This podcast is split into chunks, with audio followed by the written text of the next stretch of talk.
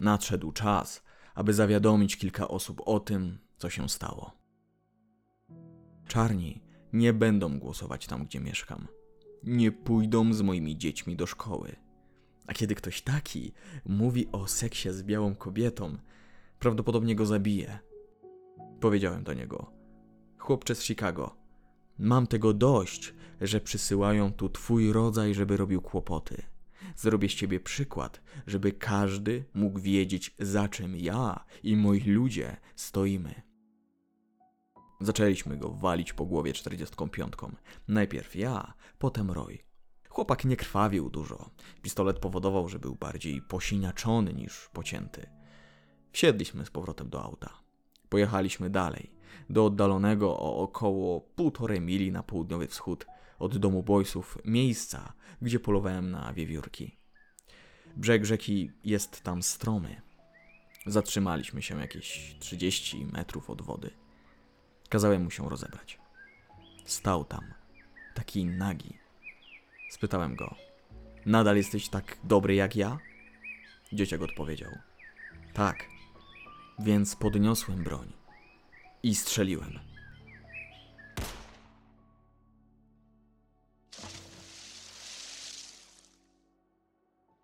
Ten wstrząsający opis przekazał prasie sam morderca, John William Milam, dwa lata po tym, jak sąd uniewinnił go oraz jego współpracownika, Roya Bryanta, w sprawie o morderstwo młodego czarnoskórego chłopca, Emmeta Tilla, o którym mówiłem w odcinku z maja 2022 roku.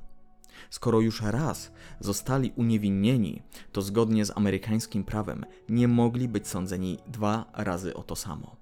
Mogli spokojnie wyjawić prawdę, choć praktycznie cała Ameryka, zarówno północ, jak i południe, zarówno biali, jak i czarni, jeszcze przed wyrokiem wiedzieli, że to była ich sprawka. Proces był przeprowadzony bardzo niesprawiedliwie, co nie dziwi jak na tamte czasy. Po werdykcie Amerykanie się oburzyli. Wielu z tych, którzy przez lata milczeli, godząc się na segregację i prześladowania, podnieśli swój głos sprzeciwu. Wielu podniosło swoje głowy przed białym człowiekiem, mówiąc: Tak dalej być nie może, tak dalej nie możesz mnie traktować. Trzy miesiące po zaginięciu i śmierci Emeta, Rosa Parks zjawia się w kościele baptystów przy Dexter Avenue w mieście Montgomery, gdzie niejednokrotnie zwracano uwagę na niesprawiedliwość w Stanach Zjednoczonych. Odbywa się tam msza. Podczas uroczystości przemawia Theodore Roosevelt Mason Howard, znana osobistość w środowisku walczących o równouprawnienie dla Afroamerykanów. Człowiek ten wspomina wtedy o Emecie Tillu i brutalnym zamordowaniu go oraz niesprawiedliwym wyroku. Mówi, że ta druzgocąca śmierć nie może pójść na marne. Będącej w tłumie Rozie, słowa te nie wyjdą z głowy jeszcze przez kilka dni. 1 grudnia 1955 roku Rosa Parks przeciwstawia się segregacji. Nie chce ustąpić miejsca w autobusie, które według wielu jej się nie należy. Wielu z nas zna tą historię. Będzie to symbol przemian w kraju, punkt zwrotny, impuls do walki o prawa. Rosa Parks powie później: Myślałam wtedy o Emecie. Nie mogłam ustąpić. Kontynuujemy historię walki z rasizmem w USA. Dzisiaj poznamy Rosę Parks. Kim była, z jaką niesprawiedliwością się spotkała. Jak wyglądało jej życie do słynnego wydarzenia w autobusie w Montgomery i jak wyglądała jej walka po tym wydarzeniu. Co dzięki niej się zmieniło. Nazywam się Wiktor Hoffman. Kłaniam Wam się nisko i zapraszam na kolejny odcinek podcastu o wiele mówiącej nazwie Ludzie, którzy zmienili świat. Zachęcam również do moich sociali, linki do nich w opisie. Moi drodzy, po dłuższej niż zazwyczaj przerwie zapraszam Was na biografię Rosy Parks. Na końcu odcinka mam dla Was kilka wyjaśnień, ale też niemało podziękowań, bo okazja jest niemała.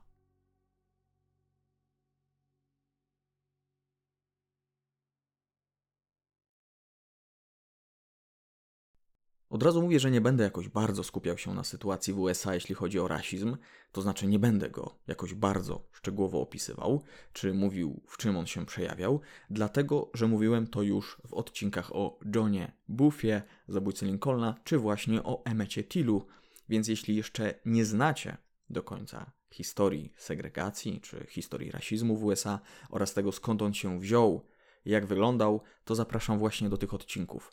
Tam wyjaśniłem to, myślę, w miarę obszernie. Tutaj tylko o tym napomknę, skrócę to w jakiś sposób. Nasz następny przystanek w naszej historii to Alabama, jeden ze stanów głębokiego południa, czyli tam, gdzie napięcia rasowe były najostrzejsze, a ludzie najbardziej, nazwijmy to delikatnie, konserwatywni. Widać to oczywiście po dziś dzień. Czarnoskórzy mieli tam wyjątkowo nieprzyjemne życie. Nie muszę chyba wspominać, że wprowadzona segregacja stanowiła o tym, że biali i czarni w społeczeństwie, w przestrzeni publicznej byli od siebie izolowani, czy to w bibliotekach, szkołach, poczekalniach, czy chociażby w najbardziej istotnej dla nas dzisiaj komunikacji miejskiej. W praktyce miejsca przeznaczone dla Afroamerykanów były o wiele gorszej jakości. Przekładało się to chociażby na ich edukację czy komfort życia. Lokalne władze nie finansowały dla nich placówek czy osiedli. Jeśli coś dzielili z białymi, to musieli być tymi drugimi, tymi, którzy czekają lub tymi, którzy ustępują. Południowcy mieli w zwyczaju mówić równi, ale oddzielnie. To nie była równość. To był jawny przykład dyskryminacji. Wielu czarnych przez lata się z tym godziło. Niektórzy decydowali się migrować na północ, gdzie mogli liczyć na lepsze traktowanie. Gdy już pokrótce o tym przypomniałem, przyjrzyjmy się naszej kolejnej bohaterce. Roza urodziła się w 1913 roku, 4 lutego. Była córką Jamesa i Leony McCauley. Przyznacie, że charakterystyczne nazwisko. Miała w sobie trochę krwi irlandzkiej, ale też szkockiej, czy nawet odrobinkę indiańskiej, przez co niektórzy mogą stwierdzić, że nie wyglądała jakby miała pochodzenie czysto afrykańskie. Mówię tu, wiecie, o tej części subsaharyjskiej. Jej ojciec był stolarzem i kamieniarzem, a matka nauczycielką. Pobrali się rok wcześniej, ale niedługo po jej narodzinach małżeństwo jej rodziców się rozpadło. Wraz z matką przeprowadzili się na farmę do dziadków do Pine Level, jakieś 20 minut autem od stolicy stanu Alabama, Montgomery. W przeszłości przez chwilę miejscowość ta była nawet stolicą skonfederowanych Stanów Ameryki, jednak szybko stolicę przeniesiono do Richmond i właśnie to drugie miasto kojarzymy z południem i wojną secesyjną o wiele bardziej. Od wielu lat okolice Montgomery były ściśle związane z uprawą bawełny. Mówię to, by nakreślić historię tego miasta i tamtych rejonów, które kojarzą się, przyznacie, mocno z południem i mocno z Konfederacją. O mentalności tamtejszych mieszkańców chyba nie muszę wspominać, w którą stronę ona wędrowała. To właśnie tam rozgrywa się nasza historia. Można powiedzieć w centrum południa, na wrogim terenie dla Afroamerykanów. Jest to też miejsce bardzo religijne, miejsce wielu najróżniejszych kościołów. Mówię tu zarówno o samym Montgomery, jak i jego okolicach, chociażby właśnie Pine Level. W kościołach tych czy zborach mniejsze czy większe grupy czarnoskórych mogły liczyć na wzajemne wsparcie w obliczu prześladowań, jakie zrodziło prawo Jima Crowa. Religia odgrywała tu duże znaczenie. Podobnie było u młodej Rozy, która jako młoda dziewczyna uczęszczała do lokalnego afrykańskiego kościoła metodystyczno-episkopalnego, jak sama nazwa wskazuje, zrzeszającego głównie Afroamerykanów. Nasza bohaterka powie później, nawiązując do swojej walki z niesprawiedliwością: Dzięki Bogu miałam siłę. Od najmłodszych lat Roza była chorowita. Sporo czasu spędzała w łóżku. Jakby tego było mało, z czasem musiała opiekować się swoją babką oraz matką, które również zachorowały. Jeśli chodzi o edukację, to uczęszczała chociażby do Alabama State University w Montgomery dla czarnoskórej młodzieży. Wtedy uczelnia nazywała się State College Teachers. Miała jednak problemy z ukończeniem szkoły z racji, jak przed chwilą wspomniałem, problemów zdrowotnych babki i matki. Wybrała opiekę nad nimi. Jeśli chodzi o dzieciństwo i lata młodzieńcze Rozy, to jak słyszymy, nie było ono zbyt łatwe. No i należy oczywiście do tego też dodać prześladowania ze strony białych. Podobno podpalono nawet jedną z jej szkół. Osobiście widziała pochody Ku Klux Klanu, którego członkowie podczas masowych marszów zwracali się w stronę jej domu. Doświadczała wandalizmu, doświadczała wyzwisk. Ciągle czuła strach. Niejednokrotnie musiała, jako młoda dziewczyna, zaczekać na kolejny autobus, bo okazało się, że ten, który właśnie nadjeżdża, jest przeznaczony dla białych. Wiele razy musiała stać w kolejce lub przepuścić białego, który dopiero co wszedł do lokalu. Spacerując po ulicy nieraz usłyszała jakieś wyzwisko kierowane w jej stronę. Być może po takich przykrych dniach wracała do domu i tam musiała opiekować się swoimi bliskimi. Świadczy to niewątpliwie o jej sile. Jednak rozwijam to i być może ponosi mnie trochę wyobraźnia w tym wszystkim, dlatego żeby przekazać, że dorastała ona w innych warunkach niż na przykład Emmet, nasz poprzedni bohater historii segregacji. Till dorastał w Chicago, na północy, które odnosiło się do czarnych o wiele bardziej przychylnie, chociażby ze względu na muzykę, jaką tworzyli w tamtych czasach. Młodziutki Emmet nie wiedział, z jaką śmiertelnie groźną niesprawiedliwością może spotkać się, odwiedzając w Mississippi swojego ciotecznego dziadka. Roza dojrzewała w bardzo nieprzychylnym dla niej miejscu, w Alabamie głębokiego południa. Na tym polega ta różnica. Jak sama później powie, pamiętam jak kładłam się spać jako młoda dziewczyna, słuchając nocnego przemarszu Ku z Klanu, bojąc się, że zaraz ktoś może podpalić mój dom. To dużo nam mówi. Od najmłodszych lat gromadziło się w niej poczucie ogromnej niesprawiedliwości. Z roku na rok była zapewne bardziej zniesmaczona tym, co się wokół niej dzieje. Motywowało ją to do walki lub coraz większych przejawów buntu wobec tego. W pewnym momencie zostanie przekroczona granica, o czym jeszcze zaraz sobie rzecz jasna powiemy. Czym się zajmowała na co dzień? Rosa Parks dorabiała sobie jako krawcowa. Sztuki tej uczyły ją jej babcia i matka już od najmłodszych lat. Z racji przerywanej edukacji właśnie tak miała zarabiać na życie. Można powiedzieć, że krawiectwo, szycie ubrań czy koców było taką małą rodzinną tradycją przekazywaną z pokolenia na pokolenie. Jakoś w 1931 roku nasza bohaterka poznała Raymonda Parksa, fryzjera, który miał strzec lotników w lokalnej bazie sił powietrznych. Po jego nazwisku możemy się domyślić, że z czasem za niego wyszła. Stało się to pod koniec 1932 roku. Raymond, który miał jej się oświadczyć już na drugiej randce, był członkiem lokalnego zrzeszenia NAACP. Jak wiemy, organizacja ta była największą w Stanach Zjednoczonych, jeśli chodzi o walkę z segregacją rasową i rasizmem. Niejednokrotnie Roza będzie wspominać swojego kochającego męża jako tego, który nieraz dawał jej natchnienie do walki z segregacją. Robili to wspólnie. Roza nazwała go pierwszym aktywistą, jakiego poznała. Dlatego jest on ważnym elementem biografii naszej bohaterki. Co warte podkreślenia, nie tylko to ich łączyło, ale chociażby też to, że Raymond też w młodości miał opiekować się swoimi schorowanymi członkami rodziny. Była jednak rzecz, która delikatnie mogła ich różnić.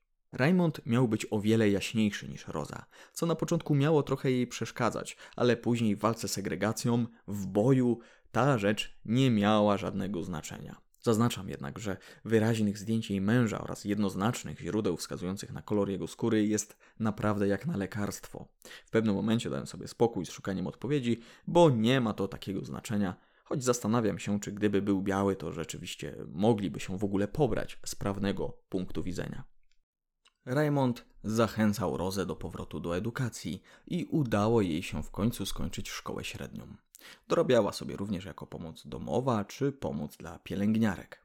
Jednak byli też oczywiście pochłonięci walką o prawa dla czarnoskórych. Na początku lat 30. walczyli o sprawiedliwość dla dziewięciu młodocianych Afroamerykanów, którzy mieli zgwałcić dwie białe kobiety. Tak naprawdę cały przyspieszony proces tych chłopców opierał się na zeznaniach właśnie tych dziewczyn, które w rzeczywistości nie miały żadnych obrażeń czy przesłanek medycznych świadczących o rzekomym gwałcie. Wszystko zaczęło się od kłótni, jaka wywiązała się w pociągu towarowym między grupą młodych czarnych a grupką białych nastolatków. Niedługo później, po spięciu między białymi nastolatkami a czarnymi, pojawiły się oskarżenia o gwałt. Tak nagle. Biali agresywni ludzie napierali na więzienie, w którym przetrzymywano młodocianych. Ława przysięgłych, składająca się z samych białych, no bo jakżeby inaczej, pod przymusem i presją wściekłego tłumu, skazała aż ośmiu z nich na śmierć. Wywołało to oburzenie, nie tylko w Alabamie, ale i w całym kraju. Roza wraz z mężem walczyli w tej sprawie, angażując w nią NAACP. W sprawę zaangażowani byli nawet komuniści. Ich partia nagłośniła mocno sprawę, nawołując do apelacji, co bardzo pomogło. Myślę, by o tej sprawie kiedyś powiedzieć coś więcej, bo sprawa chłopców z Scottsboro jest jedną z ważniejszych w historii walki o równouprawnienie w Ameryce i jest to jedna z ciekawszych spraw, która ostatecznie zakończyła się dla chłopców dobrze, choć było bardzo blisko tragedii. Jaka była rola Raymonda i Rozy? Zbierali oni fundusze na obronę chłopców, co było rzeczą niebagatelną, bardzo ważną. Jako członkini NIACP, którego czasem będziemy nazywać Stowarzyszeniem Rozwoju Ludności Kolorowej, bo mam wrażenie, że brzmi głupio za każdym razem, jak wymawiam ten skrót, została sekretarką w biurze owej organizacji w Montgomery. Tak naprawdę kierowała całym biurem prezesa Edgara Nixona. Podczas tej pracy regularnie słyszała o kolejnych sprawach i postępowaniach, bezpośrednio się w nie angażując. Czasami chodziło o brak prawa do głosowania, czasami o gwałt czarnoskórej kobiety, czy o niesprawiedliwe wyroki i idące za tym fałszywe zeznania białych oskarżycieli. Zagorzale wspierała też ruchy robotnicze.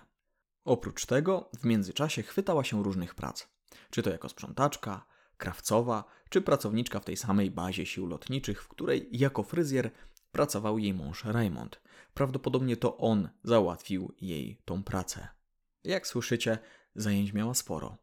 W niektórych naszych biografiach jest taki jeden kluczowy rok, w którym dzieje się najwięcej, w którym dzieje się coś, co wsławiło naszą postać. Nie inaczej jest i tym razem. W roku 1955 wydarzyły się rzeczy, które sławiły dwóch bohaterów naszego podcastu. Są to rzeczy przykre i trudno się o nich mówi, ale też zmieniły one rzeczywistość. W lato tamtego roku, gdy Rosa Parks była w Tennessee w specjalnej szkole dla aktywistów prowadzonej przez aktywistów, setki kilometrów dalej, w Mississippi, w malutkiej miejscowości Money, zdarzyło się coś strasznego. Emmett Till został brutalnie zamordowany. Jego twarz była zmasakrowana, popuchnięta, jego pośmiertny wizerunek został udostępniony mediom, co wywołało ogromną sensację. Ludzie widzieli, do czego jest w stanie posunąć się biały człowiek, słuchając nieprawdziwej relacji o rzekomym braku szacunku, który miał okazać czarnoskóry. Ta historia jest też ważna kontekście naszej bohaterki, co już dobrze wiemy. Dość szybko dotarły do niej informacje o tej zbrodni, a następnie o bardzo niesprawiedliwym procesie. Nic dziwnego, że zainteresowała się sprawą była przecież ściśle związana z NAACP. J.W. Milam i Roy Bryant, mordercy chłopca, zostali uniewinnieni, co zniesmaczyło i zszokowało opinię publiczną. Proces był nakierowany przeciwko Stowarzyszeniu Rozwoju Ludności Kolorowej, sugerując, że byli oni w to zamieszani, by oburzyć wszystkich. Dla Rozy to było już za wiele. Postanowiła przy najbliższej okazji dać odpór niesprawiedliwości. Tak jak wspomniałem na początku, dodatkowo zmotywować miało ją do tego przemówienie dla wielu nieco zapomnianej lub nieznanej postaci w kręgach ważnych amerykańskich aktywistów T.R.M. Howarda. Popularny chirurg w kościele baptystów w Montgomery, do którego Roza regularnie uczęszczała, wspomniał o wielu innych czarnoskórych, którzy potraktowani zostali podle, a ich oprawcy pozostali niewinni. Dlatego też Kościół Baptystów przy Dexter Avenue imienia Martina Luthera Kinga współcześnie jest miejscem, które dało ludziom nadzieję na lepsze czasy. Płomienne przemówienie Howarda głośno wybrzmiało w głowie Rozy. Cztery dni później miała okazję pokazać swoje niezadowolenie. 1 grudnia 1955 roku, po pracy jako krawcowa, jakoś między wpół do szóstej a szóstą po południu, Roza czeka na autobus na przystanku Cart Square na śródmieściu, który notabene znajduje się nieopodal kościoła baptystów, o którym przed chwilą mówiliśmy. Nasza bohaterka czeka za autobusem, który kieruje się w stronę Cleveland Avenue. Nie wsiada jednak do pierwszego lepszego. Zauważa, że w pierwszym, który podjechał, nie ma wolnych miejsc do siedzenia. Stwierdziła więc, że na chwilę pójdzie na zakupy i po jakimś czasie znajdzie lepszą okazję na powrót. Niedługo później, około godziny 18, na Court Square podjeżdża autobus numer 2857. Po wejściu do środka krótko się rozgląda i widzi przed sobą obraz, który z racji segregacji nie był czymś niespotykanym w autobusach miejskich w Montgomery. By lepiej zrozumieć najważniejszy element tej biografii, w opisie zamieszczam podział miejsc w komunikacji, którą jeździła Roza. Postaram się to też Wam opisać. Pierwsze cztery rzędy, najbliższe kierowcy, czyli jakieś 10 miejsc, były zarezerwowane dla osób białych. Przysługiwało im przednie wejście. Analogicznie, ostatnie cztery rzędy należały do czarnych. Środkowa część autobusu była dla wszystkich, była zmieszana. Ktoś mógłby powiedzieć, że przecież czarni mieli tyle samo miejsca. Gdzie tu rasizm? Czarnych w autobusach można było spotkać o wiele częściej. To oni napędzali finansowo miejską komunikację. Jednak, gdyby rzędy zajęte przez białych zostały wypełnione, mogliby oni iść w głąb autobusu, a tam czarny musiał ustąpić im miejsca. W takim wypadku siedzenia w praktycznie całym autobusie mogły i tak należeć do białych, a czarny nie mógł się sprzeciwić. Można się domyślać, że dochodziło do tego, że biały często i tak siadał na miejscu w części dla Afroamerykanów. Roza usiadła praktycznie na początku, dostrzegając dwa wolne miejsca. Mianowicie po prawej stronie w piątym rzędzie, czyli od razu za strefą dla białych. Z przystanku na przystanek zaczęło robić się coraz ciaśniej. Jasnym było to, że pierwsze cztery rzędy mogły szybko się zapełnić, więc biali mogli szukać możliwości siedzenia nieco dalej. Nieopodal Rozy swoje miejsca zajmowało trzech innych czarnych. Drobna, 42-letnia bohaterka tego odcinka wciąż siedziała w piątym rzędzie. Nikt nie spodziewał się, że to ona jako jedyna będzie miała odwagę się przeciwstawić. Po tym, jak autobus minął trzy przystanki i zatrzymał się przy teatrze Empire, wyjątkowo nieprzyjemny kierowca James Fred Blake zwrócił uwagę na to, że jeden z białych stoi na przedzie. Od razu się tym zainteresował. Po tym, jak zatrzymał autobus, rozkazał wszystkim czterem czarnoskórym w okolicach piątego rzędu, by ci poszli dalej. Powiedział im coś w stylu: Lepiej nie pogarszajcie swojej sytuacji i ustąpcie te miejsca. Roza go rozpoznała. Jakieś 12 lat wcześniej, po tym jak nasza bohaterka kupiła bilet, ten kazał jej wejść do autobusu jeszcze raz, środkowym wejściem przeznaczonym dla czarnych. Chwilę po tym, jak ta wyszła z autobusu, Blake zamknął za nią drzwi i ruszył, pozostawiając ją na deszczu. Tym razem Roza mogła mu się odgryźć. Mimo, że wyglądała niepozornie, postanowiła, że nie opuści piątego rzędu. Powie później. Myślałam wtedy o Emecie Tillu oraz gdy kierowca kazał nam wstać, poczułam, jak ogromna determinacja przykrywa całe moje ciało niczym kołdra w chłodną, zimową noc.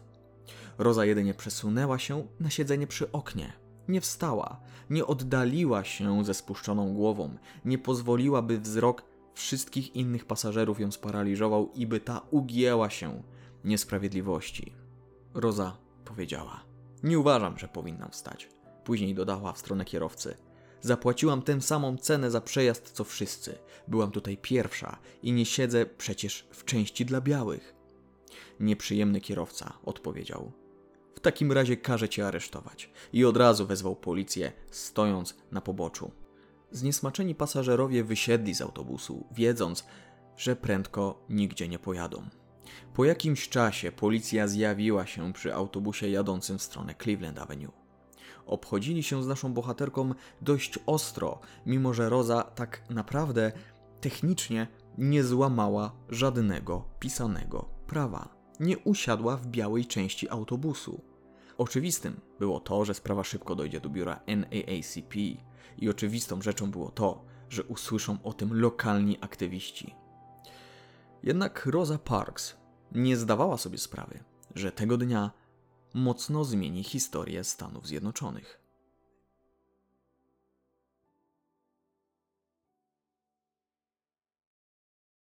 Po ostatnich wydarzeniach, związanych chociażby ze śmiercią Tila, choć mniejszych przypadków dyskryminacji przybywało z miesiąca na miesiąc, lokalne środowiska aktywistów czekały za jakimś bodźcem do wzmożonych działań.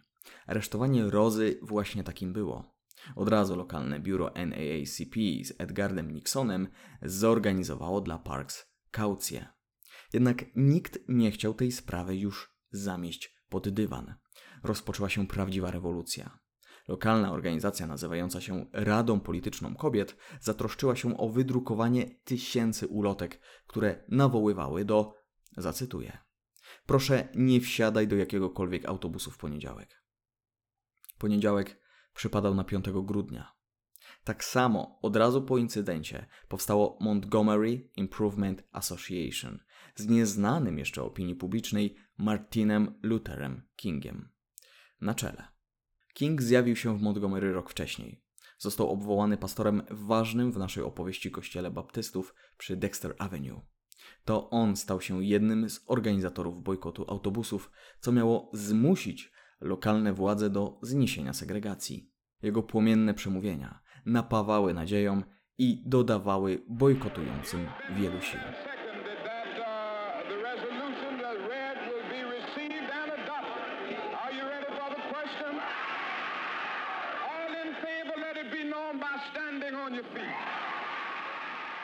No właśnie. Ogromną rolę odegrały miejscowe kościoły. To właśnie w nich nawoływano do zdecydowanych, konkretnych działań. Kościoły stały się miejscami, które pojednały wszystkich czarnoskórych w jednym celu. Tam w ogromnej mierze rozreklamowano, zorganizowano i jednocześnie zmotywowano zgromadzonych do zdecydowanej postawy. Nastał poniedziałek. Linie miejskie, jak już mówiłem, zarabiały głównie na czarnoskórych, którzy stanowili jakieś 70% pasażerów. Autobusiści dziwili się, że od samego rana nie mieli praktycznie żadnych pasażerów. Inni domyślali się, dlaczego tak może być. Na miejscach widnieli tylko równie zaskoczeni biali. Miejscowi Afroamerykanie byli zdecydowani udać się do pracy jakimś innym sposobem. Czy to ze znajomymi, rowerem, czy na piechotę. Ludzie byli gotowi wyjść o wiele wcześniej, podróżując w mniej przyjaznych warunkach. Pierwszego dnia bojkotu pogoda była deszczowa. Niektórzy biali udostępniali swoje auta, popierając rewolucję. Czarni taksówkarze zdecydowanie zmniejszyli swoje stawki, co było dla nich nieopłacalne, byleby tylko przyjąć więcej pasażerów. Inni decydowali się na autostop, czy nawet podróż dzięki zwierzętom. Mówię tu na przykład o powozach konnych. Autobusy były praktycznie puste, natomiast na chodnikach zaroiło się od bojkotujących. Parks została ostatecznie ukrana grzywną, wynoszącą około 160 współczesnych dolarów. Przez to wszystko w Montgomery zaczęła się naprawdę napięta sytuacja. Czarni byli atakowani słownie i fizycznie. Przez pracę, jaką wykonywał King, stał się on głównym celem przeciwników bojkotu. Wandale niszczyli lokalne kościoły i domy liderów, którzy byli aresztowani i zamykani za kratkami na kilka dni lub nawet dwa tygodnie. Nie osłabiło to jednak zapału i wytrwałości bojkotujących, wręcz przeciwnie. Ich nadal była ogromna liczba. Mieli siłę nie tylko na kilka dni. Byli wytrwali przez wiele miesięcy. Przez ten czas wiele autobusów stało bezczynnie radykalnie zmniejszono ceny biletów do kilku centów, by zachęcić do przejazdu. Nie dawało to żadnego efektu. Po niedługim czasie protest zwrócił uwagę całego kraju. W sprawę zaczęło się angażować wiele środowisk aktywistów. W Stanach Zjednoczonych zaczęło wrzeć. Oczy skierowały się na liczące około 120-130 tysięcy mieszkańców Montgomery. W skali USA miasto to wydaje się niewielkie. Biorąc pod uwagę właśnie tę skalę i ludność całego kraju, To tak, jakby dziś uwagę wszystkich Polaków zwróciło coś, co stało się w moim rodzimym mieście, w Słupcy, które liczy, zdaje się, niecałe 15 tysięcy mieszkańców. I pomyśleć, że to wszystko przez to, że 42-letnia kobieta nie ustąpiła miejsca białemu w jednym z autobusów. Tak niewielki wydaje się ten czyn, ale tak niewielka iskierka podpaliła cały kraj. Coś niesamowitego. To w ogromnej mierze definiuje, jakie to były czasy w Ameryce.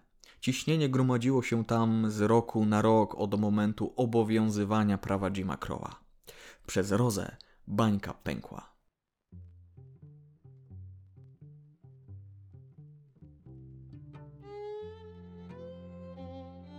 Od początku bojkotu, od 5 grudnia 1955 roku do 20 grudnia 1956 roku, minęło 381 dni.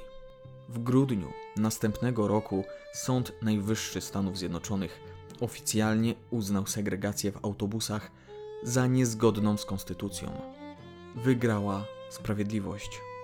Już wcześniej sąd rejonowy zniósł segregację w autobusach, ale stan Alabama odwołał się od tego wyroku, co ostatecznie nic nie wniosło. Przez całe te 381 dni protestujący nie zamierzali przestać, doprowadzając miasto Montgomery do problemów finansowych. Wielu z nich, łącznie z naszą bohaterką, wytrwało, jak sami mówili, dzięki wierze w Boga. Przez jakiś czas Roza wraz z mężem miała problemy ze znalezieniem pracy. Od początku bojkotu dochodziły też do nich groźby śmierci. Nic dziwnego, że postanowili wyprowadzić się z Montgomery. Jednak zryw w Montgomery, ta rewolucja, świadczyła o wielkiej sile tych, którzy walczyli o prawa obywatelskie, że potrafią być świetnie zorganizowani i wytrwali. Dlatego ostatecznie zwyciężyli, bo pozostali nieugięci, Wciąż trzeba było wykonać sporo pracy. Segregacja w kraju wciąż mocno dawała się we znaki. Dlatego Roza działała jako aktywistka. Jej nazwisko stało się symbolem walki o równe prawa.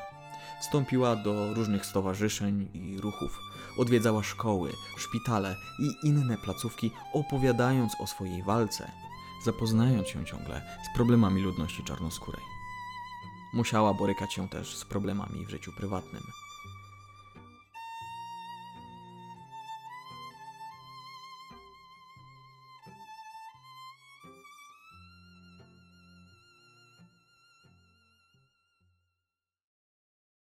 W 1977 roku zmarł jej mąż oraz jedyny brat. Dwa lata później odeszła jej matka. Sama borykała się z problemami żołądkowymi. Gdy skończyła 80 lat, bezbronna Roza została nawet napadnięta i pobita. Jednak mimo, że fizycznie była wyczerpana, nie powstrzymywało jej to przed zakładaniem fundacji czy instytutów, i nigdy nie powstrzymywało jej to przed mówieniem o niesprawiedliwości. Na starość doszły również problemy z jej finansami, do tego stopnia, że sama nie była w stanie płacić czynszu za mieszkanie. Jej działalność bardzo mocno miała zahamować demencja, która ją dopadła. Mimo, że jej ostatnie lata życia wyglądały dość smutno, jak słyszymy, to i tak zrobiła bardzo dużo dobrego dla równości. Matka ruchu praw obywatelskich, jak została nazwana, odeszła w sędziwym wieku 92 lat, a jej śmierć kraj przyjął z ogromnym smutkiem. Rosa Parks, według specjalistów, stała się katalizatorem do zmian. Jej sprzeciw spowodował lokalne protesty. Jednak protesty te miały swoich liderów, którzy spowodowali, że rewolucja się rozrosła. Jednym z nich i tym, który swoją działalnością w Montgomery się wsławił, był Martin Luther King. Jego życie było niesamowite i o nim też powiem za jakiś czas w obszernym materiale, bo w kwestii walki z rasizmem w USA jest postacią, o której nie możemy nie powiedzieć. Jeszcze raz zapraszam Was na moje sociale. Link do nich znajdziecie w opisie. Proszę, wstrzymajcie się z wpłatami na Patronate lub Buy Coffee z racji, jak sami widzicie, różnej częstotliwości dodawania odcinków. Rola taty, początkującego taty, mocno mnie pochłania i jest to dla mnie teraz priorytet. To jednak nie znaczy, że niedługo nie usłyszymy się ponownie. I jest jeszcze jedna ważna sprawa. Chciałbym Wam podziękować. 400 tysięcy odsłuchań mojego podcastu. Wspaniała liczba. Jestem wzruszony, jestem bardzo wdzięczny, bardzo Wam dziękuję, bardzo to doceniam, że ze mną jesteście. To naprawdę świetne uczucie mieć tak wspaniałych słuchaczy. Po prostu dziękuję jeszcze raz. Na końcu chciałbym Was jeszcze pozdrowić i życzyć miłego dnia. Do usłyszenia niebawem.